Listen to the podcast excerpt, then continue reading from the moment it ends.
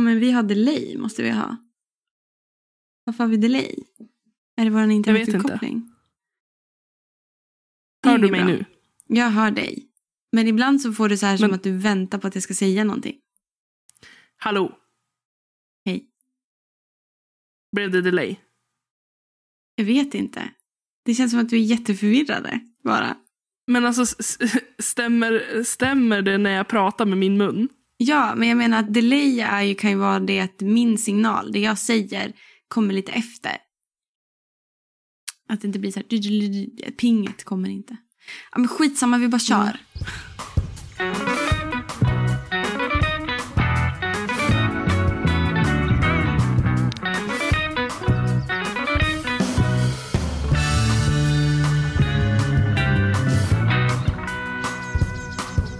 Och välkommen till Littpodden. Det är jag som är Elin. Och det är jag som är Emma. jag har märkt att jag gör en sak nu så fort vi ska göra så här. Att jag pratar inte, jag säger inte hej det är jag som är Emma på, på mitt sätt att säga som att det är jag som är Emma. Fattar du? Jag säger och det är jag som är Emma! Alltså jag gnäller till med rösten jättemycket. Det för att jag vet inte om jag ska försöka låta svinglättig eller bara är oseriös. Jag har ingen aning. Det är jag som är ja, jag kan ju börja göra så också. Men jag alltså... gör det. Det är jättekul. Nej. Men alltså livepodden. Ja, ja. jag ville prata om livepodden ja. Så var det, det läget. Ja. Liksom. Okej, okay. vi, kan, vi kan prata om livepodden. Gud vad roligt vi hade. ja, alltså det var över förväntan faktiskt. Jag var ju typ så här, nej men alltså jag var ju sånt nervöst litet knippe bara timmarna innan, uh, huva. Och sen så mm. var det bara asnice. Mm. Ja, alltså, folk har varit så himla ja, men pepp deppig. De har varit så himla gulliga och kommit med snälla kommentarer och jättemycket fin feedback. Gud vad glada vi blev. Många som kallar oss proffsiga. Jag känner mig inte proffsig. Alltså, jag känner mig aldrig proffsig. Men alltså, det där det känns ju kul att höra att man, är, att man, att man verkar vara proffsig. Eh, så. Mm. Liksom. Jag menar att, att folk som lyssnade hade, jag menar att de tyckte att det var roligt och Ja, men mm. att de mm. tyckte att det var intressant. Det var ju jätteviktigt för oss. att vi, Det var ju någonting vi ville ta med oss när vi gick därifrån. Att så här, ja, men det fanns ett engagemang, liksom, att vi nådde ut med det. Att inte folk tyckte att det var tråkigt. Ja men exakt, alltså det är ju vårt mål med podden. Eller det sa vi ju från början att vi vill ju typ ha lite community. Eller vi vill, vi vill nästla oss in i det redan existerande communityt som vi har upptäckt är gigantiskt. Typ särskilt på Instagram. Alltså det är ju mm. jättestort det här bok och författar-communityt och det är ju jättefint och skitkul. Så att vi har ju nästlat oss in där lite med våra åsikter och tankar om det vi läser och skriver och pluggar och grejer. det är bara skitkul. Ja. Och det var, alltså det var ja. ju alltså en bra uppslutning. Och det är många som har kollat i efterhand har jag sett. Eller många, många. Det är inte så att vi är... Ja, på YouTube. Stora. Ja, men precis. Men att det är många som kollar i alla fall. Det är askul. Mm. Nice. Sweden ja, och nice. Verkligen, så vi, måste, vi måste ju också tacka ja, dels Maria som var med, mm. med på livepodden och mm. Robert som var så himla duktig på det tekniska. Ja, han är ju svinball när det kommer till sådana saker. Det är ju, det är ju, böcker är min grej. Teknik och sånt där är hans. Wow. Verkligen. Mm. Skitkul. Ja, det kändes ju väldigt proffsigt när man satt där. Vid liksom så här, ja, nu är det fem minuter kvar. fem minuter kvar till paus. Mm. Men vi har ju fått, alltså han har ju fått öva lite sådana saker också förut. Alltså både han och jag går ju, har ju gått i, i Pingstkyrkan och när det blev den här pandemin så började alla kyrkorna streama istället gudstjänsterna. Mm. Och då har ju han till exempel varit med och, och hjälpt till eh, med några eh, församlingar eh, för att få till sådana saker. Så att han har ju, han mm. har ju den kunskapen sen förut. Så det här var lite så här, han bara, ja ah, men det här blir bara kul. Typ. Så det var roligt. Jättekul. Ja. Att ha han med ja. där. Um, men du frågade hur det var med mig och jag sa ja. någonting annat. Hur är det med dig? Vill jag börja med då. Eh, jo men det är bra. Jag eh, börjar komma tillbaka till eh, någon form av Fast det är vakenhet, det är inte ens ett ord. Nej, men jag har ju precis varit och, eller jag har precis lämnat in en tenta. Tog väldigt Mm. mycket energi men nu känner jag att nu börjar jag så här pigna på mig lite grann. Mm. Eh, Jag tror att det var ett väldigt kämpigt moment för hela, hela klassen. eh, Som Jo, jag det i märktes. klasschatten. Mm. Ja, eh, det Märktes fanns en frustration. Ja. Vi skrev ju om eh, alltså vårat... Den här kursen handlar om litteratursociologi och det var ju ett relativt nytt ämne för oss att börja tänka. Inte bara analysera en text utan kolla på allt som sker runt omkring en text. Mm. Och lära oss eh, olika termer och sådär. Eh, och det har varit jätteintressant att få lära sig.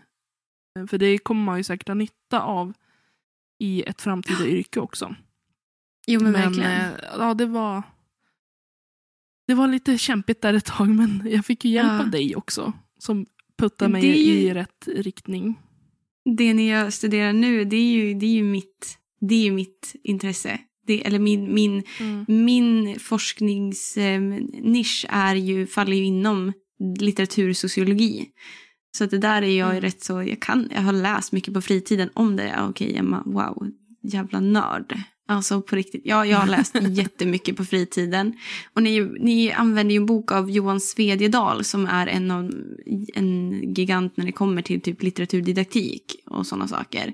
Mm. Han var ju med och skrev ihop tillsammans med eh, en annan forskare en, en PISA, eh, rapport från en PISA-undersökning om hur mycket barn och unga läser.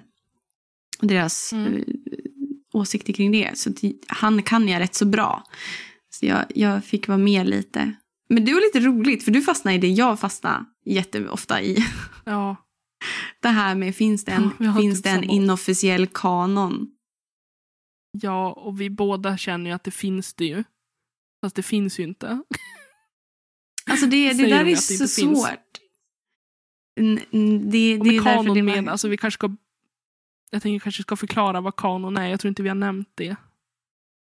Ja, alltså men kanon. kanon är ju Mm. en, en föreställning om att vissa eh, böcker, viss litteratur har ett högre värde än annan litteratur. Och det, Mm. genrer även. Ehm, till exempel så har jag nämnt lite att man ibland kallar populärlitteratur för typ masslitteratur eller skräplitteratur. Alltså kiosklitteratur. Mm. Du vet så här, går på Ica och köper en Harley Quinn-bok. Det, det skulle liksom tänka Mm. sig att den, den är en, eh, inte tillhör kanon. Kanon är ju också ett ord Nej. för eh, rangordning av böcker. Till exempel så har man ju Bibelns kanon.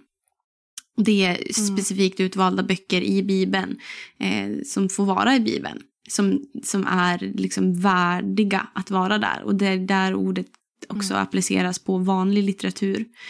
Ehm, men det har ju inte vi kan- i Sverige. Vi har absolut inte en skolkanon längre. Eh, inte officiellt. Så. Nej. Jag tänker förkortat kan man bara säga att kanon är en måttstock, typ. Ja men typ. Ja, typ. Eh, om man säger ja. Och det är ju lite svårt någonstans för att det är ju Harold Bloom har ju en västerländsk kanon till exempel. Eh, som han har listat i en av sina böcker som heter Den västerländska kanon, heter boken. Eh, böcker som där han också har satt den här måttstocken. Så att måttstocken ändras ju också beroende på kultur och land. Så det finns ju inte en Mm. generell måttstock. Men den, den som Nej. vi pratar om när vi nämner den historiska kanon då. Så då är det utifrån att litteraturen ska vara lärande och eh, bildande. Eh, varav därför Mm. också att man ofta kanske inte pratar så mycket om den västerländska kanon. Utan vi pratar om att det kanske finns en inofficiell skolkanon. Ehm, men jag vill inte vara så kaxig och säga att, att det är ett ved, en vedertagen åsikt. Utan det är någonting man kanske ofta noterar när man läser sociolingvistik. Eh, att vi hela tiden, precis som med allt annat, värderar saker. Och kategoriserar för att förstå. Och det man Mm. inte förstår just, det vill man inte tycka är bra. Och det man kanske förstår, det Mm. tycker man oftast är bra. Och just det här med att värdera infaller ju då litteratursociologin. Eh, En del Mm. av det. Mm. är att sätta ett värde på saker och ting. Mm. Um, så det var, det var Du- jätteintressant. Mm. Precis. Och det, det var kul att du liksom hamnade i samma eh, rabbit hole som jag brukar hamna i när jag ska börja fördjupa mig i sociolingvistik, inte lingvistik, i socio, litteratursociologi. Gud, jag blandar ihop dem. Ja. Eh, Det, det, jag tror att det är väldigt vanligt när man är en brinnande ung litteraturvetare. Eh, För att det är, liksom, det, det är väldigt tydligt att det finns en värderingsprocess. Det gör det ju. Absolut, annars Mm. skulle det ju inte finnas en marknad för böckerna. Men Nej. vars värderingen hamnar och i vilken kategori det är så stort. Och det är därför man säger att man, man är inte litteratursociolog. Var det du som skrev det i din tenta? Att Svedjedal hade sagt? Jag tror det. ja, precis. man är att- inte att vara- litteratursociolog. Att man, det, är det, det finns liksom ingenting som säger att man är en litteratursociolog, utan litteratursociologi är någonting man gör. Det är hela tiden ett görande, ett skapande, kan man Mm. säga. Precis, ett utforskande. Vill jag Mm, förstå. Ja. Så det var intressant. Men jag fattar att du också Mm. kände att shit, fuck, jag har ingen aning vad jag håller på med. Nej, men det kändes som att jag typ trampade runt och inte visste liksom vart jag ville komma. Och det, jag tror också Mm. att det, det är hela grejen med litteratursociologi är att man har så himla mycket frågor och så lite svar. Och man får aldrig riktiga svar egentligen. Utan det Nej. leder bara till mer frågor. Mm. Och att en del av hela, det här, hela forskningen, att Mm. väcka tankar hela tiden och kanske de här tankarna kan någon annan snappa upp på och utforska mer. Liksom. Ehm, Det är ju det som är grejen med sociologi. Alltså varför det heter just Mm. litteratursociologi. Precis som sociolingvistik eller samhällssociala förhållanden. Det har ju att göra med vårt samspel i samtiden i vårt samhälle. mm. Alltså det är hela tiden, det, det kommer att förändras. Och det, det betyder också att, att, att litteratursociologin förändras. Alla åsikter, alla tankar, alla teorier och filosofiska eh, förhållningssätt förändras ju beroende på vilken samtid vi lever i. Helt enkelt. Mm. Så det blir väldigt mycket att hålla koll på. Du ska hålla koll på allt ifrån vad Bourdieu sa till Bourdieu, en sån här eh, skithypad eh, filosof eh, inom litteratur. Eh, att hålla koll på det han sa och hur han förklarade eh, de här Mm. samspelen med lit- litteratur och samhälle till ja, men Johan Svedjedal då, eller liknande forskare. Och det är inte så att alla litteratursociologer tänker likadant utan det finns Nej. ju väldigt många så här, alltså de, står ju verkligen på olika sidor och därför är det väldigt viktigt också att läsa flera olika perspektiv. Mm. Så att man inte bara Precis. går på en viss filosofs eller en viss professors Exakt. utan att man så här, breddar sitt, eh, sin kunskapsbank på det sättet. Ja, absolut. Det är inte så att man säger att de som håller på att forska inom litteratursociologi inte tycker att det ska finnas en kanon. Det finns jättemånga litteratursociologiska forskare som anser att det ska finnas en kanon till exempel. Alltså det är ett Mm. otroligt stort ämne. Och det är också Mm. väldigt intressant, tycker jag.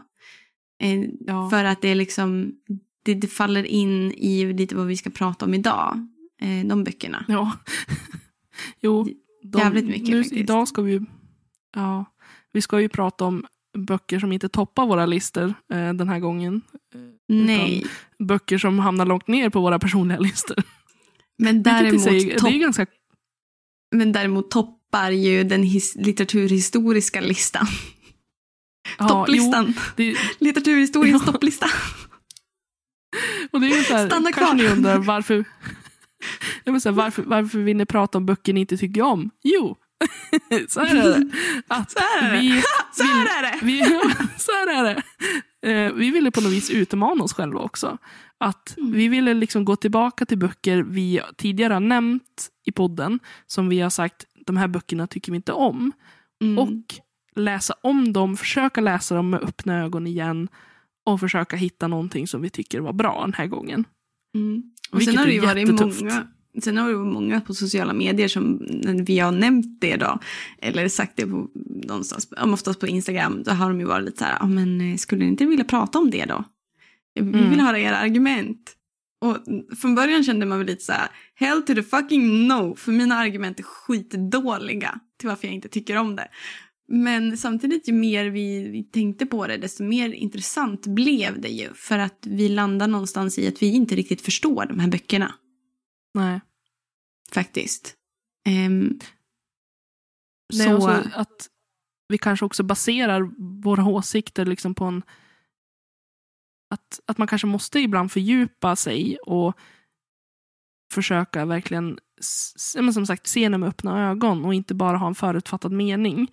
Mm. Att det här är inte någonting jag brukar läsa så därför kommer jag tycka det är skit. Eller mm. jag gillar inte författaren så därför kommer jag tycka det är skit. Utan mm. verkligen ge en ärlig chans. Och se mm. hur då, hur då eh, ens åsikt förändras och att man är ärlig och öppen med att den kan förändras. Mm. Vilket är skitsvårt. Förbannat ja, jävla pissvårt. Hur ska jag kunna öppna en bok? Ja. Nej, man vill ju inte erkänna att man har fel. Liksom. Ja, det har jag väl inget problem med. Jag har ofta fel. Men det är också den här grejen att jag kan, alltså det var så svårt att motivera mig själv till att öppna vår första bok som vi ska prata om. Som vi kanske mm. bara ska gå vidare till då. Helt enkelt. Ja.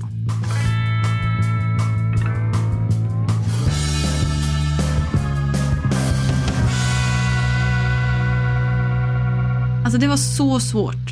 Så pissmyrigt svårt att öppna Röda rummet av August Strindberg. Det är ju min bok som jag bara, jag, nej. Nej, jag först, nej. Vad gör den i skolan fortfarande? För i helvete, vad fan gör den där? Vad gör August Strindberg fortfarande i skolan? Och vad, absolut, vad gör han i högstadiet? Och sen så kom jag på mig själv med att all litteratur ska vara tillgänglig för alla. Du ska få läsa vad du vill. Det finns ingen då, bra eller dålig litteratur. Men så här är det. Det är en skitdålig bok. Ja. Den, den jag har inte läst den. Men... Nej, du har ju inte gjort det. Jag har, det är ju jag som gjort det. Och jag fick faktiskt tips från en, en eh, tjej som också går lärarhögskolan. Eh, bara någon årskurs kurs under mig, tror jag hon startade.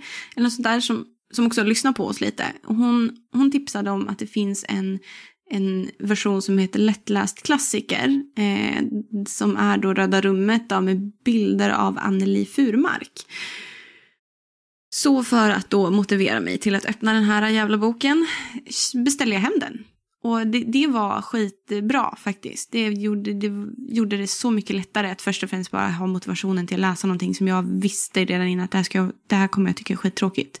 Men sen också så är det ju nice, alltså det är ju najsiga illustrationer och jag är ju ett barn så att bilder ger mig bilder och jag blir glad. Um, och den vart lite lättare att förstå. Jag förstår argumenten, alltså vissa argument till varför det här, varför han finns kvar och varför han är relevant fortfarande och sådana saker. På sätt och vis gör jag det. Eller förstår varför folk tycker det. Eh, jag tycker fortfarande inte det. Och så, får det, så kan det ju vara. Man har ju alltid olika åsikter. Eh, olika, ja, men, smaken är som baken, den är delad. Helt enkelt. men Röda rummet för er som inte har läst den då You lucky fucking bastards, eh, handlar ju om Arvid Falk. Som är en, en asp, vad säger man, aspirerande författare. Han vill mm. så gärna bli, bli publicerad och han vill så gärna vara kulturell. Eh, men han var fast på ett kontorsarbete på lön, lön, kommunens lönekontor eller något sånt där tror jag det hette. Eh, eller något liknande han är inte nöjd helt enkelt. Han är inte nöjd. Han säger upp sig själv och bara fuck it all. Jag ska börja skriva essäer, jag ska börja skriva romaner, jag ska börja skriva poesi och jag ska gå och bli publicerad. Ish. Fast han har lite sämre självförtroende än vad jag får det att låta som. Um, och genom hela Röda rummet får man ju vara med i Arvids iakttagelser av det samtida eh, samhället där i Sverige 1800, vad var det, 1800, slutet av 1800-talet där någonstans. Eh, och vi får möta vänner eh, som också har de här drömmarna om att bli konstnär eller författare eller kritiker eller liknande. Vi får möta eh, också typ tidningar som, som, som var lite mer åt varsitt håll, vänster och höger rent politiskt, än vad vi kanske upplever nu. Eh, vi har ju liksom gråkappan och vi har ja, vad heter de andra? Röd, röda fanan eller något sånt där. Jag, jag kommer inte ihåg. I alla fall, ena är höger, ena är vänster. Och mm, man får möta också en, en journalist där som, som först skrev för vänstra partierna och sen så börjar skriva för de högra partierna och gör det bara. Och då enligt Arvid kan man läsa mellan raderna anser att den här journalisten slash vännen säljer ut sig själv då, säljer ut sin konst för att och säljer ut sin, sin liksom, kulturella moral för pengar. Vilket också så mm. samhället såg ut på den tiden.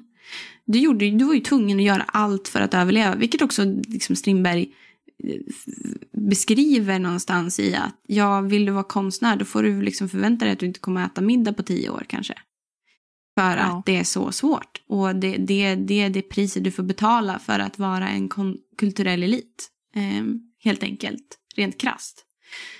Um, så vi får följa med han, han möter sina vänner och alla dispyter och alla olika saker. Och vi får, får lite sådär romans där någonstans också som jag tyckte var jävligt märklig. Uh, och så. Men jag förstår ändå inte. Nej, du förstår inte hypen med Strindberg? Jag har ju fått det berättat för mig att han är ju en satiriker. Eh, vilket jag också har läst att han är liksom. Mm, särskilt Röda rummet är ju väldigt satirisk. Han, driv, han påstås ju driva med sig själv. Den här Arvid Falk ska ju vara hans typ alter ego. Um, och ja, absolut. Han kan absolut driva med eh, eliten och det sociopolitiska samhället där på 1800-talet och han kan driva med sig själv. Men jag förstår ändå inte relevansen. Alltså det jag möter någonstans, eller det där jag landar efter att ha läst den här boken igen, är att det här är en otroligt narcissistisk människa. Och mm. det kan inte jag säga att han är, utan det är den uppfattning jag får, är också utifrån att jag har fått det berättat för mig att han är satiriker och utifrån att Arvid Fall ska vara hans alter ego så jag upplever att det här är en otroligt narcissistisk eh, författare som kanske är väldigt innovativ liksom och medkännande. Alltså går in, han kanske går in i ett rum och känner av och kan, kan se mellan fasaden. Men jag tycker att han använder det till ondo. Får jag säga ja. det? Han använder sin gåva till ondo jävla Sith. Star Wars. Star Wars. Jaha, okay. Sith är ju ja, de nej men alltså, Ja, nej men alltså jag har ju inte läst Röda rummet men jag har ju läst um, Fröken Julie och uh, Ett dockhem. Mm. Uh, och jag, det känns ju som att han, han vet ju om att han skriver bra. Mm. Det gör han ju. Han vet ja. ju att han, han är duktig. Ja, det är ju alltid välskrivet på så ja, sätt. det är det ju. Oh, ja.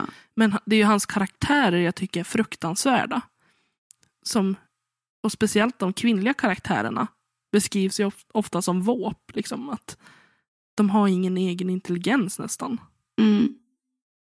Att det, det, är väldigt liksom mycket fokus på att mannen är det överlägsna könet.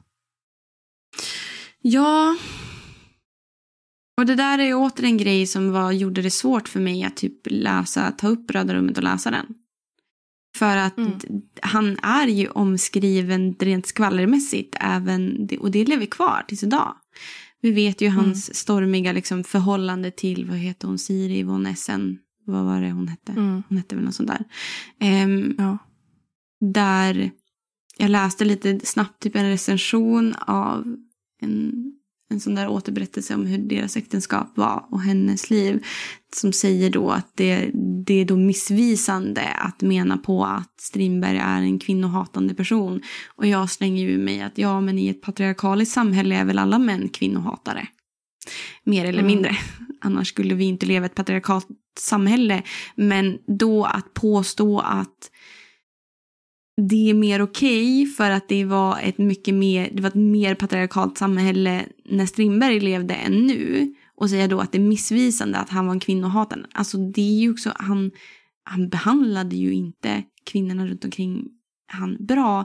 Och han gestaltar ju också kvinnor på ett högst märkligt sätt, särskilt i Röda rummet. Ja. Som bedragerskor och lurendrejare liksom. Mm. Och så. Det fanns, ju, det fanns ju faktiskt män på den tiden som, som stod upp för kvinnokampen och som eh, skrev, ja men, eh, eh, jag tänker på typ Henrik Ibsen. Mm. De skrev ett dockhem, alltså föregångaren mm. till ett dockhem som August Strindberg skrev. Det var ju en mer feministisk kvinnogestalt. Eh, mm. Så att det visar ju på att den synen som fanns då, alla män hade ju inte samma syn som Strindberg. Han var ju ändå... Nej. Han hade ju ändå en, en, ett, ett, lite större perspektiv kan jag tycka Ibsen hade. Än vad Strindberg mm, ja. har, verkar ha. Att, att en mm. kvinna i grund har hon lurat dig en gång så betyder det inte att hon kommer lura dig nästa gång. Alltså det, och det är det som gör mig så störd i, i Röda rummet också för att han beskriver den här kvinnan som Arvid blir kär i. Som visar sig ha varit förlovad med en av hans vänner eh, förut när hon bodde i Dalarna till exempel. Och att han är så hjärtekrossad. Och hur hans vän då, Borg ska ju ta han ju därifrån och försöker ju typ förhindra att Arvid ska eh, såhär, jag vet inte, vara tillsammans. Eller jag uppfattar det som att han, Borg inte vill att de ska vara tillsammans. Och hon, den här tjejen då, verkar typ liksom, jag vet inte, man får aldrig se hennes perspektiv. Utan man får lämnas i att hon har, har lurat Arvid. Även om det faktiskt finns den stora möjligheten att det inte är så. Men det slutar liksom i den tonen att Arvid blev, hans hjärta blev krossat. På grund mm. av den här kvinnan för att hon är en bedragerska. Hon är en, en, en hora liksom. Mm. Ehm, och, och så. Ehm, men, men vi vet ju inte. Och, och det är ju ett jättemärkligt sätt att, att beskriva ett förhållande eller ett partnerskap eller att, att vara, till, vara på väg tillsammans mot någonting med någon. Att, att det liksom blir substanslöst och det blir en ytlig, otroligt ytlig karaktär. Som också mm. smutsar ner resten av berättelsen tycker jag. Men jag tänker att alla, alla historier om Strindberg, jag tänker ingen rök utan eld. Det, det finns nog en, en sanning i att han beskrivs som en misogyn man. Liksom. Även mm. om det kanske inte är lika extremt som vissa påstår, men att det ändå finns där. Mm. Ja, mm. exakt. Och det är väl, vad är, och det där landar jag väl någonstans i att, att det jag tycker med Röda rummet någonstans, att varför den känns så narcissistisk eller varför han är, verkar vara så narcissistisk är ju också för att han verkar så otroligt empatilös. Alltså så otroligt empatilös. Även Arvid Falk, mm. karaktären, verkar empatilös. Det handlar om han. Det handlar om vad han ser, absolut. För att han är kanske en, då en huvudkaraktär. Men det är också så här hur de pratar om när den här Olle tar livet av sig. Hur man pratar om sådana saker. Det, det blir liksom... Och det är väl så satir funkar, det ska vara åt extrema håll. Um, mm. Men jag kan inte se ett värde i att, få, att läsa det idag. Nej. För att den satiren är så svår att förstå. Eller så är jag bara jätteastig av mig och bara fattar inte. Jag, jag förstår inte humorn, jag förstår inte det satiriska. Jag förstår att det är samhällskritik, men jag förstår inte varför Strindberg ansåg sig, okej okay, han var en högintellektuell människa som kunde typ, jag menar han höll på, jag läste alldeles nyss att han höll på med språkforskning när det kommer typ till japanskt, nej vad var det, kinesiska. Och mm. fine, han kan vara en högintellektuell människa, mm, men den statusen han själv hackar på. Han själv hackar ju på att, att, att han har ju ett litet pity party om nu Arvid Mm. Falk ska vara hans alter ego, då, då har han ju ett litet pity party. Då ska man ju, man känner nästan lite att man blir pushad som läsare att tycka synd om Arvid. Alltså automatiskt tycka synd om Strindberg. Men han var ju med och befäste det här. Det här Mm. beteendet, den här elitismen. Mm. Och han njöt ju av det. han, Han frodades ju i på han bärsar på någonting som han är en del av. Ja, som han inte, och inte på ett ödmjukt sätt, eftertänksamt sätt, utan mer som att jag, men typ så här, om man drar, har, gör en skitdålig liknelse eller jämförelse med ett sånt här beteende. Det är när, när unga kommer i den här generationen kommer börja läsa på universitet men de kommer från en arbetarfamilj och fortfarande har ett beteende som att jag är en arbetare. Och menar då på att det privilegiet att få läsa på ett universitet och få det betalt, att ha en utbildning, att få gått hela gymnasieskolan, gått hela högstadiet och sen bara fortsätta sin utbildning och sen landa ett välbetalt jobb eller ett stabilt jobb. Det är inte vad en arbetare är. Det är, liksom, det är ju en akademiker. Jag säger inte att det ena är bättre än det andra. Men du måste ju också acknowledge your privilege. För Mm. att då vara ödmjuk. Och det gör inte Strindberg. Han, han menar ju aldrig något. Jag har, inte, jag har inte mött i någon återberättelse eller något av hans ens brev eller i någon av de böckerna jag har läst av han att han är att han har liksom uppmärksammat sitt privilegium. Utan Mm. han tittar liksom, han pekar tiden på, kolla på kampen, kolla på kampen som vi kulturella konstnärliga människor måste, måste göra. Kolla på det här, det smärtsamma, den plågade författaren. Och, och då ska, vad då ska det då vara okej? Nu kände jag att jag körde en jättelång rant här. Och jag kan ha sagt ord som jag kanske inte kommer, saker som jag kanske inte kommer stå för imorgon. Men just nu känner jag mig jävligt förbannad någonstans. För att jag tycker att det här är ett politiskt elitistiskt sätt att skriva romaner på. Och jag tycker att det har Mm. nästlat sig in i skolan. Och jag tycker att det är farligt att inte prata Mm. om det. Om det perspektivet, om det alternativet. Mm. Utan vadå, vi kan inte bara ta in en text och ignorera allt annat och säga det här är en välskriven text. Kolla här vad duktig Strindberg var på att skriva. Folk blir, det här är tankar, det här är människors tankar. Riktiga människor, författare är riktiga människor. Det här med författarens död, fine, det funkar kanske hos en vuxen människa. Du kan Mm. tänka så för att din, din, dina exekutiva funktioner har, är klara. Förhoppningsvis om man inte har ADHD som mig och måste äta medicin mot det. Men det är liksom... det, ett barn tänker inte så. Nej. Så vad gör den i skolan? Ja. Fan vad arg jag blev. det jag hade tyckt... jag ty- skulle tycka det var intressant. Jag tror säkert att du skulle komma till samma slutsats. Mm. Men det hade varit intressant om man hade kunnat backa bandet innan du ens liksom visste vad Röda rummet var. Att du fick läsa den utan att veta vem författaren var. Mm. Jag tror säkert att du skulle komma till samma insikt som du har nu. Mm. Men frågan är hur mycket av den här äh, irritationen Mm. beror på August Strindberg som person. Och inte på själva storyn. Ja, ja men alltså det, man är ju påverkad naturligtvis.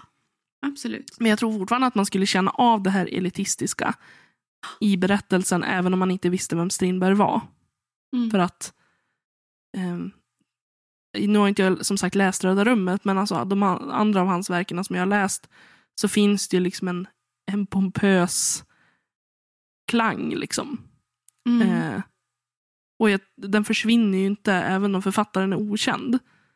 Nej. Men jag, jag tänkte bara så här, mycket, mycket av det man känner, den här irritationen, beror ju också på att man, man har ju fått höra väldigt mycket om Strindberg och vad han stod för. Och, ja, men, Ja. Och grejen är det jag tror att någonstans i och med att folk säger men den är ju sat- satirisk, det, det är ju bara kul. Och bara, ja, det är ju skitkul. Det är ju, det är ju fine, bra skämt uppskattar man väl. Men att skämta på på andras bekostnad så att det skadar, det, det är för mig ett big no. Och fine, då får jag vara superastig då. Eh, helt okej. Mm. Jag är helt okej med det. Jag förstår inte det. Jag förstår inte att, att skämta. Att njuta så jävla mycket av sig själv och sitt eget. Liksom att man, man drar skämt på andras bekostnad i, den, i så pass grad att det skadar. Det, Mm. det för mig är sit the fuck down in the fucking boat and shut the fuck up you fucking shit. Alltså för mig, jag Oj. blir asarg. För jag, jag, värderar, alltså jag värderar empati och vänlighet. God, alltså vara snäll. Fine, jag kanske själv misslyckas med det. Men jag värderar det väldigt, väldigt, väldigt Mm. högt. Och jag vet inte, jag väl kanske skadad, duktig flicka då, men inte fan vet jag. Jag är fan inte helt okej med att det ska vara så jävla kul att driva om Alltså, fan, man, kan, man måste kunna driva om typ politik och, och religion för att ibland blir det för tungt. Men att driva med människors övertygelser som du inte har någon jävla aning om. För fan inte har han någon jävla aning vad människor tänker egentligen. Du kan, ha, du kan vara inkännande men du har inte någon jävla aning. Så Mm. är det bara. Och att då Men göra det och sen göra sig ovän med människor. För att de uppenbarligen Mm. blir sårade. Och ha- har en oförmåga att be om ursäkt. Det finns ingenting att skylla på. Det, det finns ingen Nej. NPF-diagnos. Det finns ingen, ingen skada eller något som helst. Inget, ingen ursäkt att vara elak. Nej. Men eh, då kan vi alltså säga med säkerhet att den här boken inte blev en ny favorit utan att den behåller sin plats på din ruttna lista. Det är så jävla fan också. För att det skulle ju vara bra i dåliga böcker vi skulle prata om. Ja, Oj. fast samtidigt så har vi kommit fram till att ja, han var ju... Han, han skrev ju liksom, han, han var ju duktig på att skriva men han var ju liksom inte duktig på att skriva... Alltså sp- språket är väl liksom inget fel på. Eh, Nej. Jag kan väl också Men- uppskatta bara den här gestaltningen av en manlig vänskap på sätt och vis. Mm. Där de kallar varandra, din, de skriver under brevet med din, din dödsfiende men de är uppenbarligen väldigt vänligt inställda mot varandra och tycker om varandra. Mm. Det, det, ja, det, det kan jag ge, det gillar jag ändå. Det Ja. gjorde jag, absolut. och ibland är det så här, Men- går man in med det här och, och ska hitta någonting bra. Hittar man inget bra så vad fan ska man säga? Bara? Nej. Man, man kan inte dra ihop någon lögn heller utan man ska vara ärlig och det är väl det vi gör Ja. här. Är brutalt ärlig i våra åsikter. Ja, ja, och jag är ju hellre det. Jag är brutalt ärlig och helt, och helt fel ute. Än att Mm. ljuga ihop någonting för att people pleasa. Ehm, Mm. Det är liksom, jag måste ju på sätt och vis vara lite trogen mot mina känslor. Um, Mm. jag, det här, den boken lämnar mig fortfarande med, med magont. Magknip. Mm, mm. Men ja, Ska nu vi har jag göra fått ett litet bryt? Ja, vi bryter. Och moving on. Elin, take the lead. Vad är Mm. nästa?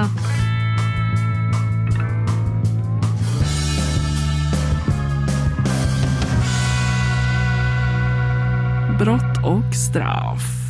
Da-da-da-da. War and, Jag vet inte varför jag sa det sådär. engelska. dum, dum, dum. Ja. Heter den War, Peace and War? War and Peace? Jag vet inte. Brott och straff kanske.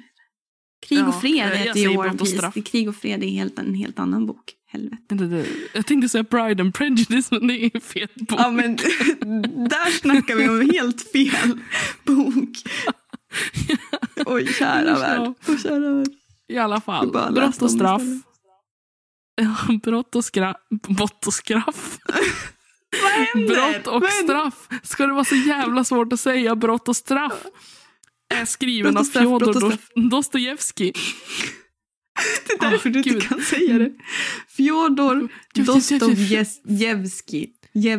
Du kan inte säga det heller. Fj- Fjodor Dostojevskij. Dostojevskij.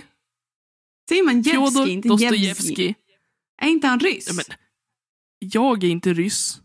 Jag Nej, säger men det du, som en du kan inte säga att det. jag säger fel när jag försöker få det att låta lite ryskt.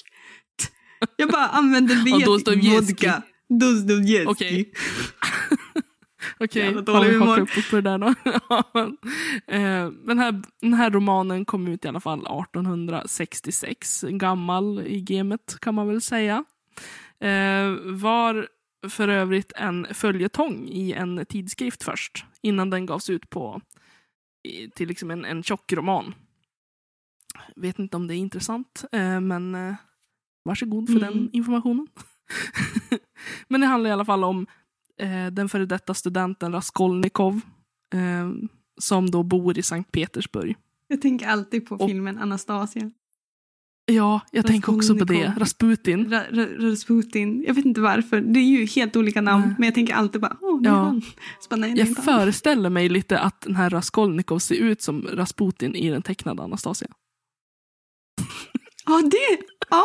Jo, men det kan jag nog tänka mig att jag är lite där inne också. Den, den lilla nidbilden av Ja. en ond ryss tänkte jag säga. Är Som, går runt med en, en, en vit fladdermus på axeln och en... en eh, Himla stereotypiskt. ja, ja, nej men i alla fall. Alltså, den här studenten Raskolnikov, han, eh, han är i stort behov av pengar. Han är ganska fattig. Och han anser sig också vara typ av en övermänniska. Han anser sig vara mycket, mycket smartare än de flesta andra. Och därför anser han sig vara liksom lite ovan, liksom lite eh, utanför lagen. Liksom att han kan göra saker och komma undan med det för att han är mycket smartare än alla andra. Han, Vad är det är med inte de här dum. karaktärerna? Varför är de så jävla narcissistiska? Ja, men inte vet jag. de, de, Ja. de, de Varför är vi så arg idag? Nej men, Jag jag, jag, Nej, men han, när Raskolnikov då bestämmer sig för att mörda en rik gammal dam som är en pantlånerska och hon är inte så omtyckt själv. Eh, Det är väl Mm. därför han också rationaliserar det här mordet med att dels att han är eh, mycket bättre än henne, så därför har han rätt att mörda henne. Och dels att han gör också världen en tjänst genom att liksom göra sig av med henne. Och att han får pengar. Det är Oh, en win-win i hans ögon. eh, Och han slår då till en dag. Och Mm. inte nog med det så kommer den här pantlånerskans syster in. Mitt Mhm. under mordakten. Så han måste ju mörda henne också naturligtvis. Fast hon var ganska oskyldig. Jag för att hon var ganska... Jag har inte läst igenom hela boken igen. Jag har läst utvalda kapitel, okej. Men jag har för mig att den här systern till pantlånerskan var ganska oskyldig. Hon var, hon var mycket, en mycket trevligare karaktär än Mhm. Mm. pantlånerskan. Mm. Men efter de här morden så f- drabbas ju Raskolnikov av en fruktansvärd ångest. Eh, Så pass mycket att han får feber och yrar och eh, man får liksom följa hans samvetskval. Ja, i det, det straffar sig att vara ond, om man säger så. Nej. Ja. Ja, men jag... Ja, jag... Eh, jag försökte som sagt gå in i den här boken med öppna ögon och bara, men okej. Förra gången jag läste den, det var inte min grej. Eh, men nu ska jag ge den en ärlig chans. Så, jag Mm. gjorde en, en eh, för och eh, mot, eller för och nackdel. Ah, du var så positivt ambitiös. och negativ. Mm. Bring Men ehm, jag kan inte säga att den positiva listan blev lika lång som den negativa listan. Åh nej. Men jag ska Nej, börja det med det positiva. Det blir ett sånt avsnitt. Åh nej. ja, fast jag, jag kanske blandar lite grann så att vi inte bara slutar med en negativ klang. Men jag börjar med något Okej. positivt. Det, är att eh, Dostojevskij använder sig av väldigt många sinnen när han skriver. Eh, Mm. Det är både Ja, dels syn är ju ganska viktigt, att han Mm. beskriver vad som Mhm. händer. Men också Mm. eh, vad, som, vad som hörs och det som luktar. Liksom han använder Mm. väldigt många olika sinnen, vilket också eh, man får liksom en väldigt stark känsla av här och nu, att man dras med in Mm. och är med karaktären Mm. på ett vis. Mm. Och det kan jag det är tycka väldigt bra skickligt. faktiskt. Ja, det är väldigt, Det är väldigt det är väldigt och det är svårt. ja, jag känner att det är någonting jag kanske skulle behöva bli bättre på i, mina, i I- mitt eget skrivande. Ja, men precis. Eh, så, Samma så här. det är en stor, eh, stor eh, applåd, eller vad man ska säga, en tumme upp. Ja, men alltså det, det, det gör ju den lite mer spännande. Alltså hade Ja. det inte funnits då hade det ju typ inte gått att läsa den. För den är väldigt nej. dryg. Men samtidigt så kan man få för mycket av det goda. Och på det negativa skriver han så jävla mycket beskrivningar om allt. I motsats till de här, det är bra att han använder sinnen men det blir så in i helvete mycket beskrivningar om allt. Det ska, allting som finns ska ju beskrivas. Eh, och jag eh, känner bara snark. Det är Jag ju dock ett bra inte exempel blir på miljöbeskrivning och gestaltning. Alltså det är ju så här, kan du skriva Ja, men alltså när gestaltning man som känner- Dostojevskij då, då är du duktig. Men alltså om jag känner att jag kan bläddra fyra sidor och ändå liksom att det inte har hänt någonting, då är det någonting som är fel. Du har så inte läst, du har, du har alltså inte läst Sagan om ringen. Nej för att jag vet att det är massa miljögestaltningar och det, den är långtråkig, därför har jag undvikit den som pesten, fast jag har dem hemma. Eh, Men jag, jag, jag vill ju liksom att det ska vara ett tempo, jag vill att det ska hända någonting. Jag vill inte stå och stampa på samma ställe. Ja, Mm. alltså det, det behöver inte vara något stort, men alltså, jag vill inte stå att han ska beskriva eh, insidan av ett hus eller ett rum eller vad fan som helst i fyra sidor och, och sen går man vidare till nästa sak att beskriva. Det känns som att allt är bara så, så långdraget. Och Ja. eh, det är väl alltså så här, what floats your boat. Om man tycker det är bra så Nej tycker men man ju det är bra. whatever floats your boat. Hur Men, fan många gånger ska jag behöva rätta dig? Ja, men det blir ju rätt ändå. Nej, det blir inte det. Du, whatever floats your boat. Du behöver ha det whatever. Because whatever floats your boat. Like whatever. Okej, ord, ord, ord, eh, polisen. Yeah, I know. Yeah, I know. Jag är typ världens sämsta person att vara police? ordpolis. Nej men oj då. Men vad fan, jag vet inte vad jag är på för humör idag. Ja. Nej, heller. ditt blev ganska rantigt och argt så blev mitt jätteflummigt. Det är Men- bra, du väger upp. Ja, men det kommer någonting Mm. positivt igen. Håll i hatten. Jag tyckte att det var väldigt mycket intressanta och välskrivna karaktärer. Det känns som att karaktärsbeskrivningar och att ge karaktärer liv, det är liksom hans grej. Ehm, han har nog arbetat med texten så pass mycket att jag kände inte att någon karaktär blev platt. Eh, vad gör du? Jag ser Emma i kameran, hon måste sitta och hålla på med någonting för att jag ska skratta. Så att, Jag bara viker ihop min att jag tunga. fick hjärn... Ja, att jag fick hjärnsläpp det är helt hennes fel. Nej, men jag, jag tycker att hans karaktärer är väldigt intressanta. Eh, det är bara det att, liksom att man, den blir ju så långtråkig boken att man orkar inte ta till sig alla karaktärer. Nej. det, kanske ha, det kanske inte hade skadat att göra den lite mindre och lite mindre karaktärer att hålla reda på.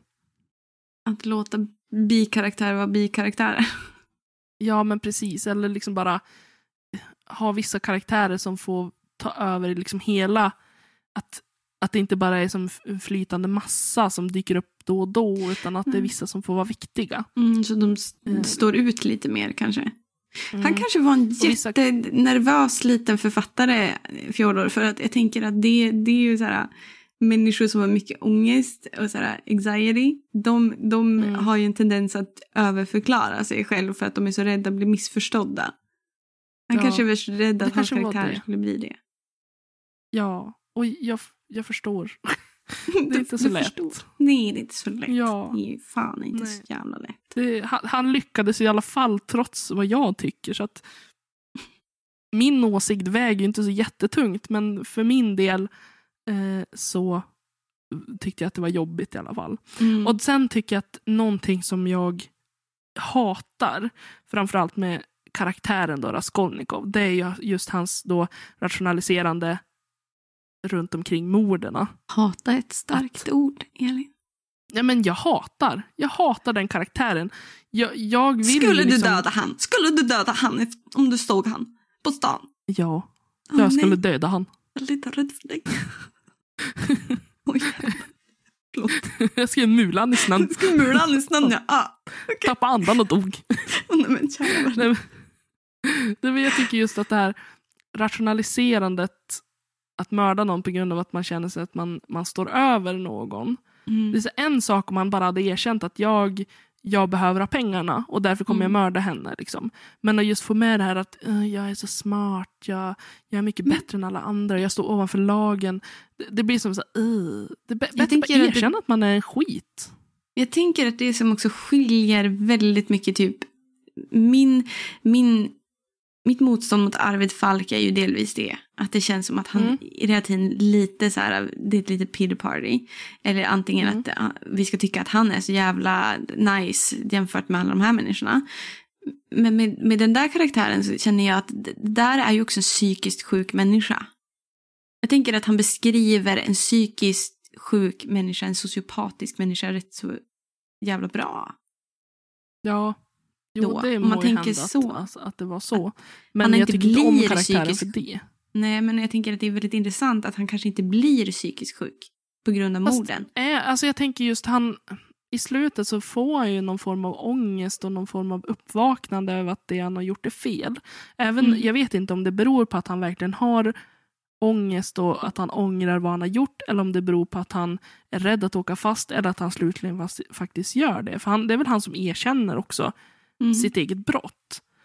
Men det. det stämmer ju inte heller överens med om man är en sociopat. Alltså, d- Så att det, det beror ju på för att det är också spektrum av sociopati och sådana saker. Och sen så är det ju ja, kanske inte fullt ut en psykopat och sociopat. Eh, eller antingen eller. Utan han kanske bara är en person som lider av psykisk ohälsa till den grad att han är i en psykos. Och det är Mm. inte konstigt att då få uppleva ett uppvaknande när man har varit med om någonting traumatiskt. En traumatisk händelse kan ju utlösa en sån här psykos om du har psykisk ohälsa eller om- du är psykiskt alltså sjuk eh, på så sätt. Eh, men det kan ju Ja. också släpp, alltså kicka ur dig ur en psykos. En traumatisk jag, upplevelse. ja, jag vet inte om jag upplever som att det var en psykos för jag känner att han var väldigt liksom, medveten om sina handlingar. Mm. Eh, men ja, skitsamma. Jag, eh, jag tycker inte om den karaktären. Jag tycker att den... eh, Det, men jag gillar ju inte heller den typen av litteratur där, där det är väldigt mörkt och... D, d, mörkt. jag säga, jag gillar inte min litteratur- sorts litteratur. Nej men din sorts litteratur. Alltså jag kan ju... det är Vissa typ, ja, men som när vi läste Den gula tapeten tycker jag ju om. Mm. Eh, Haunting of Hill House tyckte jag om och de är ju också väldigt så här, mörka och läskiga. jo men, men det är ju för att jag- du har ju, där, har du en agenda. När du läser sånt. Det är ju Nej, en av dina tror- agendor. Nej, men alltså, jag behöver en karaktär som jag kopplar till. Som jag Mm. känner någon form av eh, sympati eller empati med. Alltså någon karaktär Mm. som, jag liksom, som jag kan hålla kvar vid. Jag tror att det är det Ja. som är viktigt. att om, om, om huvudkaraktären är en karaktär som jag inte tycker om och det är den man får följa Mm. mest. Liksom, Mm. då har jag också svårt att gilla handlingen för att då har jag ingen att hålla i handen. Nej. Alltså jag älskar ju hatälskar karaktärer. Alltså Mm. någonstans, nu är det ju en annan grej med Röda rummet för att jag ser så mycket annan problematik. Min hjärna tar ju liksom inte riktigt stopp där. Men jag, antihjältar är ju fantastiska för mig. Alltså jag tycker de är helt så spännande, så fascinerande. Liksom, mm, det är ju också, det ger ju lite, jag tycker att det ger mer perspektiv och mer mänsklighet om man kan hata karaktären lika mycket som man skulle kunnat sett den som en, som en hjälte eller som en Mm. moralisk person. Liksom. Ja, nej, det, det är inte min grej. Alltså, jag, eh, jag vill verkligen gilla... Om det inte är huvudkaraktären så vill jag ha en annan karaktär som jag gillar. Mm. Eh, det är viktigt för mig. Så det är en personlig Mm. preferens naturligtvis. Mm. Och jag Men det är förstår för att du är så här... likable. Annars. person likeable searching. karaktärer. Ja, för att du är en Mm. likable person. Jag är inte en likable person. Så jag dras Jo, inte till är du likable visst. person. Det är visst. Det är bara det att vi dras till olika typer av, lit, av så här, litteratur av olika genrer. Mm. Herregud. Det, är, det speglar inte vilka skit. vi är. Det är bara så här, vad vi tycker är intressant. Vad vi Jag tycker är tror det. underhållande. Det är så man vet vad en människa är egentligen. Kolla in deras bokhylla. Ta reda på vad de helst läser. Deras favoritbok berättar så mycket. Jag det, bästa jag har i min bokhylla just nu är, studentlitteratur. Vad säger de mig att jag är en nörd? Ja, nej, du är smart kanske. Det är En du ju. bra student som har böckerna nära till hands. Eh, nej men, jag vet inte. Ja, men det jag tänkte säga var i alla fall, jag förstår ju att den här boken blev liksom så stor, att den fortfarande är väldigt stor. För den är ju välskriven, han, han var ju väldigt duktig på att skriva. Det, Mm. det ska jag liksom inte säga någonting annat om. Men Mm. just den är inte för mig och jag står fast vid min åsikt att jag tycker att den är svintråkig. Mm. Ehm, men Mm. jag, jag, det var också väldigt intressant tyckte jag att försöka gå in och hitta någonting som jag tyckte var positivt. Jag tycker det var en rolig utmaning för min egen Mm. del av mitt eget läsande. Det är bra Att- att du tog med dig någonting positivt från den här upplevelsen. Att någon Ja. av oss gjorde det. Nej, jag, skojar. jag men med jag också att det- positivt. Om inte annat så resulterade det kanske i ett underhållande poddavsnitt till våra läsare och då blir jag glad. Vi har den traditionell enliga nu, Emmas rant moment. Vi borde ha en liten jingel inför Emmas rant. Och så Elins flum, också en sån liten jingel. Kan vi ta den här? Emmas rant. You know what grinds my gears? What floats your boat? Nej, sluta! Ja. För helvete! Jag ska bara säga det. What floats your boat? Oj. Men jag tänker att jag tänker att också att det har varit väldigt någonstans. Det är det jag tror att det är bra att någonstans inte. För att vi också pratade här i början om det här med att värdera litteratur. Att, att då Mm. komma tillbaka till litteratur som du personligen har värderat sämre. Kan nog vara bra att gå tillbaka och försöka att inte göra det. Just för att jag Mm. tror att risken finns ju att man. Jag vill ju inte undanhålla Röda rummet från mina framtida, från mina elever.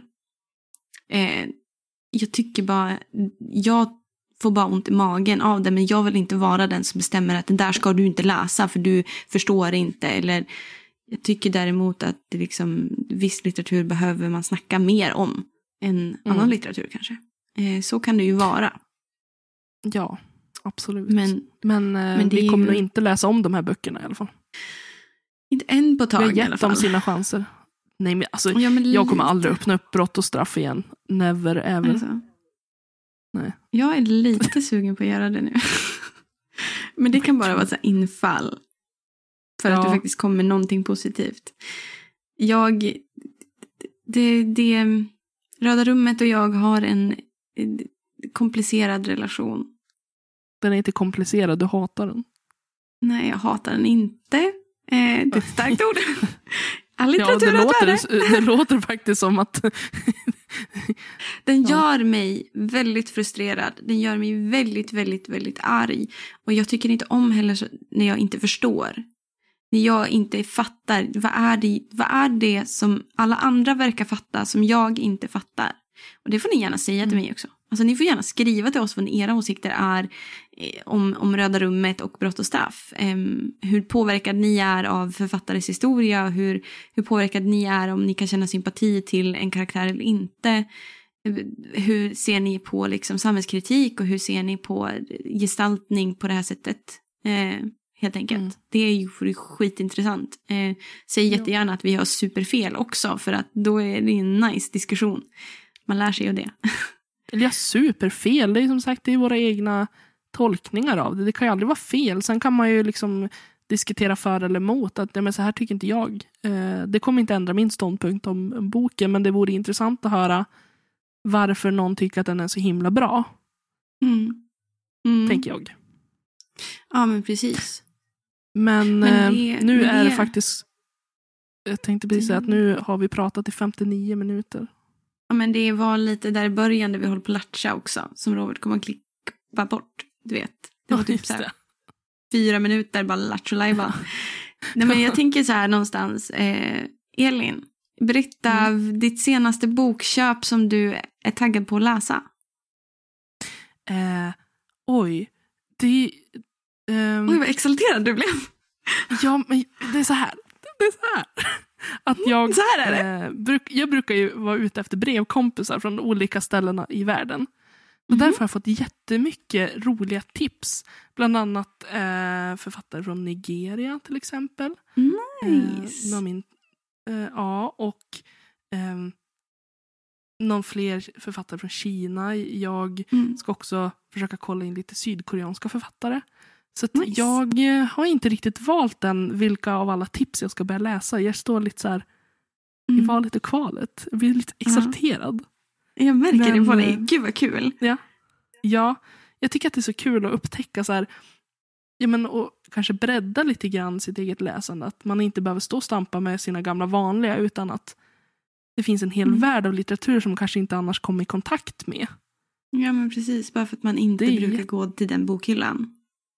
Ja, eller så att de kanske inte finns i Sverige. Eh, Mm. Man kanske liksom får... Eh, det var någon jag var tvungen att ladda ner, oj, får man säga så? En pdf. Du hittar den på, du hittar den på vinden. Ja, En bok precis. du hittar på på vinden. vinden. I Mm. pdf-form. Eh, nej men alltså sådana grejer, att man, att man kanske kommer i kontakt med sånt som man inte annars kommer i kontakt med. Eh, Nej, som inte finns egentligen här. Nej, exakt. Ja, men nej, det, exakt. tycker jag, det tycker jag ska bli jätteintressant faktiskt. Men Ja. du då? Vad ska du läsa? näst? Jag eh, hade ett... Jag har... Jag är inte lika exalterad som dig, men jag är det egentligen. Jag har haft riktigt skitjobbiga dagar här nu för ett tag. Eh, och jag... Det man gör med Emma när hon mår dåligt, för att det är inte farligt att må dåligt. Eh, men ibland behöver jag snap out of it a little bit. Eh, var att vi åkte in och så fick jag köpa den nya Alltså Dune har ju släppts, alltså Dune av Frank Herbert som vi pratade om, om sci-fi avsnitt har ju släppts som en comic så den köpte jag. Mm. Jag var sugen på hur länge som helst. Och så köpte jag faktiskt en bok av John Ajvide Lindqvist. Han har ju precis släppt den här vänskapen tror jag den heter, eller vänligheten heter den. Ehm, men jag hittade en annan av han som jag var mer taggad på så den ska väl bli min helgläsning faktiskt. Ja, mysigt. Mm, jätte, den är rätt så cool utsida. Det är en, en skitduktig illustratör som jag följt på Instagram som har gjort den utsidan. Så det är asnice.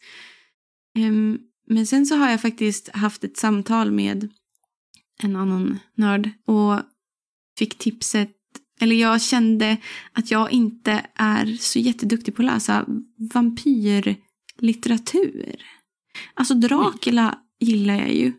Mm. Men jag inser att typ så här, men alltså jag har ju läst en vampyrs bekännelse av Anne Rice och så.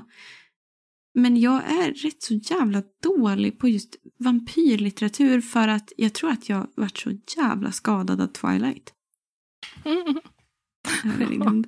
Em, Ja, så att jag har inte läst så mycket och den litteraturen jag har, eller de böckerna jag har läst har jag, kände jag efter det samtalet att jag inte riktigt have, have paid attention kring. Eh, så jag ska faktiskt, tror jag, beställa hem I am legend av Matheson ehm, och läsa om den. För att jag tror att jag behöver göra det för att ha en åsikt. Så det, det Mm. ska bli intressant. Jag är lite så här skräckblandad förtjusning för att jag verkligen egentligen tycker inte så jättemycket om vampyrfantasy-genren. Öppna sinnen. vampire dystopi. Alltså det är, jag får hela tiden upp de här chick flicks, vampire chick flicks grejerna i huvudet som man alla var besatta av och som jag bara läste för att typ vara med och så bara nej. Nej, det här var inget Men- kul. Det var inte monster. Hade inte du läst eh, böckerna som serien True Blood är baserad på? Mm, jo. De tyckte du väl ändå var helt okej? eller? Mm. Har jag för mig att du tyckte. Ja, ja alltså det, det gjorde man väl. Alltså det, det, det, jag läste ju typ också, jag läste ju också typ så här Vampire Ac- Academy, tror jag den heter. Vampyr, va- Vampyrakademin. Mm, Som också är så här, alltså jag vet inte, just när jag tänker tillbaka på dem, alltså jag, True Blood gillade jag också för att jag var besatt av serien mycket Ja. när jag var lite yngre. Bokmässigt så blir det en helt annan grej för mig.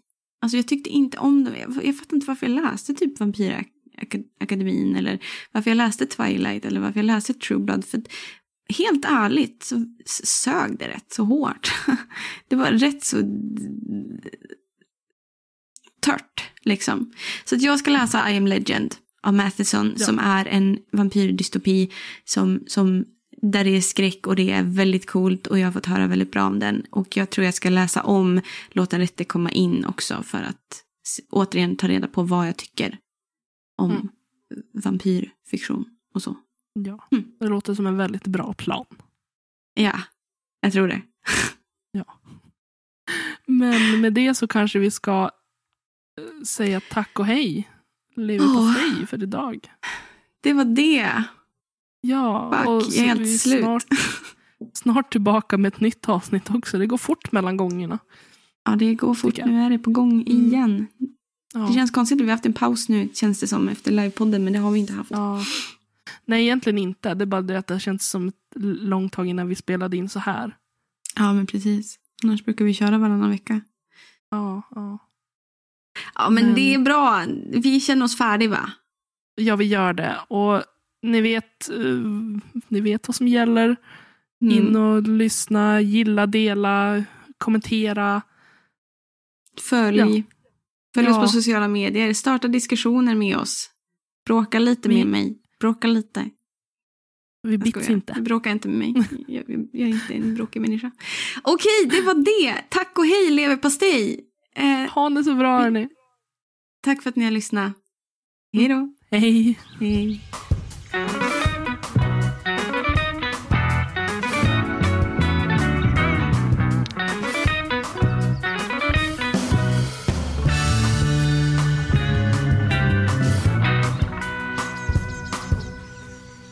Jag vet inte hur det var för er, men för mig var tonårstiden väldigt jobbig.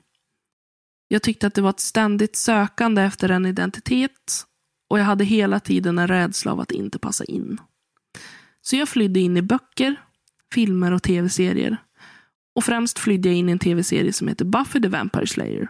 Den kvinnliga huvudkaraktären eh, var fruktansvärt stark och cool och jag önskade verkligen att jag kunde vara mer som henne. Men det fanns också en vampyr som hette Angel och jag var så kär i honom. Han var det snyggaste jag hade sett och jag satt och planerade vårt bröllop i mitt huvud. Fast det att vi bodde på två olika ställen i världen och att han var dubbelt så gammal som jag var. Men det, det spelade ingen roll för att jag var så kär. Vi spolar fram några år till att Twilight kom ut. Böckerna som blev en supersuccé. Och då var det verkligen den enda frågan på alla släppar var, var du team Edward eller var du team Jacob? Jag var ju team Edward. Även om mitt hjärta alltid slog ett extra slag för Angel i Buffy the Vampire Slayer. När andra boken av Twilight-sagan New Moon blev filmatiserad så gick jag på den biopremiären tillsammans med två kompisar. Och jag kommer aldrig att glömma att hela salen bröt ut i ett kollektivt skrik när Edward klev ut ur bilen för första gången. Han klev ut ur sin Volvo och gled fram mot Bella. Och alla blev helt tokiga. Och jag satt där och tänkte, men gud vad töntigt. Vad barnsligt att bli så exalterad över att en kille kliver ut ur en bil. Men samtidigt så kan jag ändå förstå den där hopplösa tonårsförälskelsen man har. Precis som jag hade haft för Angel så var det massa tjejer och killar där som satt och var kär i Edward. Och jag tänker att det är det tonåren handlar om. Att vi blir förälskade och det är mycket känslor. Och att det också är okej. Okay. Det är en del av att bli vuxen. Och det skapar ju även också väldigt många roliga minnen som man bär med sig hela livet. Du har lyssnat på Littpodden med mig, Elin Oslin och Emma Granholm. Musik och klipp av Magnus Kjellson och Robert Granholm. Management av Ida Berglund. Tack hörni för att ni har lyssnat.